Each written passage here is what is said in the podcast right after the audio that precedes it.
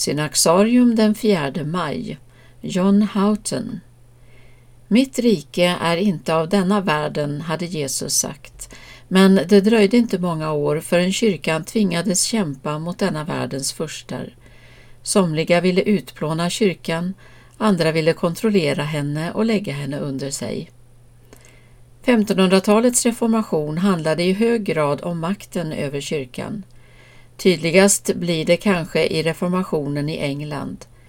Kung Henrik den åttonde försvarade den katolska teologin och liturgin men kunde inte svälja att han, kungen själv, var en vanlig lekman i denna kyrka. När den katolska kyrkan vägrade välsigna hans äktenskapsbrott var det droppen.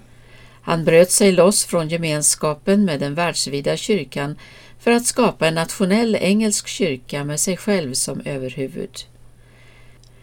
Som ett led i detta utfärdade han år 1535 The Act of Supremacy, en lag som stadgade att kungen blev den engelska kyrkans överhuvud. En av dem som betraktade denna utveckling med oro var John Houghton, en kartusiansk munk och eremit.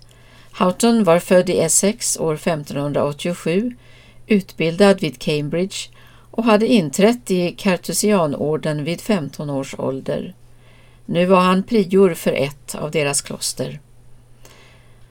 Han hade tidigare varit i klammeri med de alltmer protestantiska makthavarna och tillbringat en månad i det ökända fängelset i Towern efter att ha vägrat svära trohetseden till kung Henrik. Den gången nåddes en kompromiss genom att Houghton och en rad andra munkar tilläts uttala eden med tillägget ”så långt Kristi lag tillåter detta”. Men denna gång var en kompromiss omöjlig. Houghton kunde omöjligen acceptera att denna världens härskare också skulle vara kyrkans herre. Kyrkan måste vara sin egen och stå fri från politikernas härskarambitioner, hävdade han.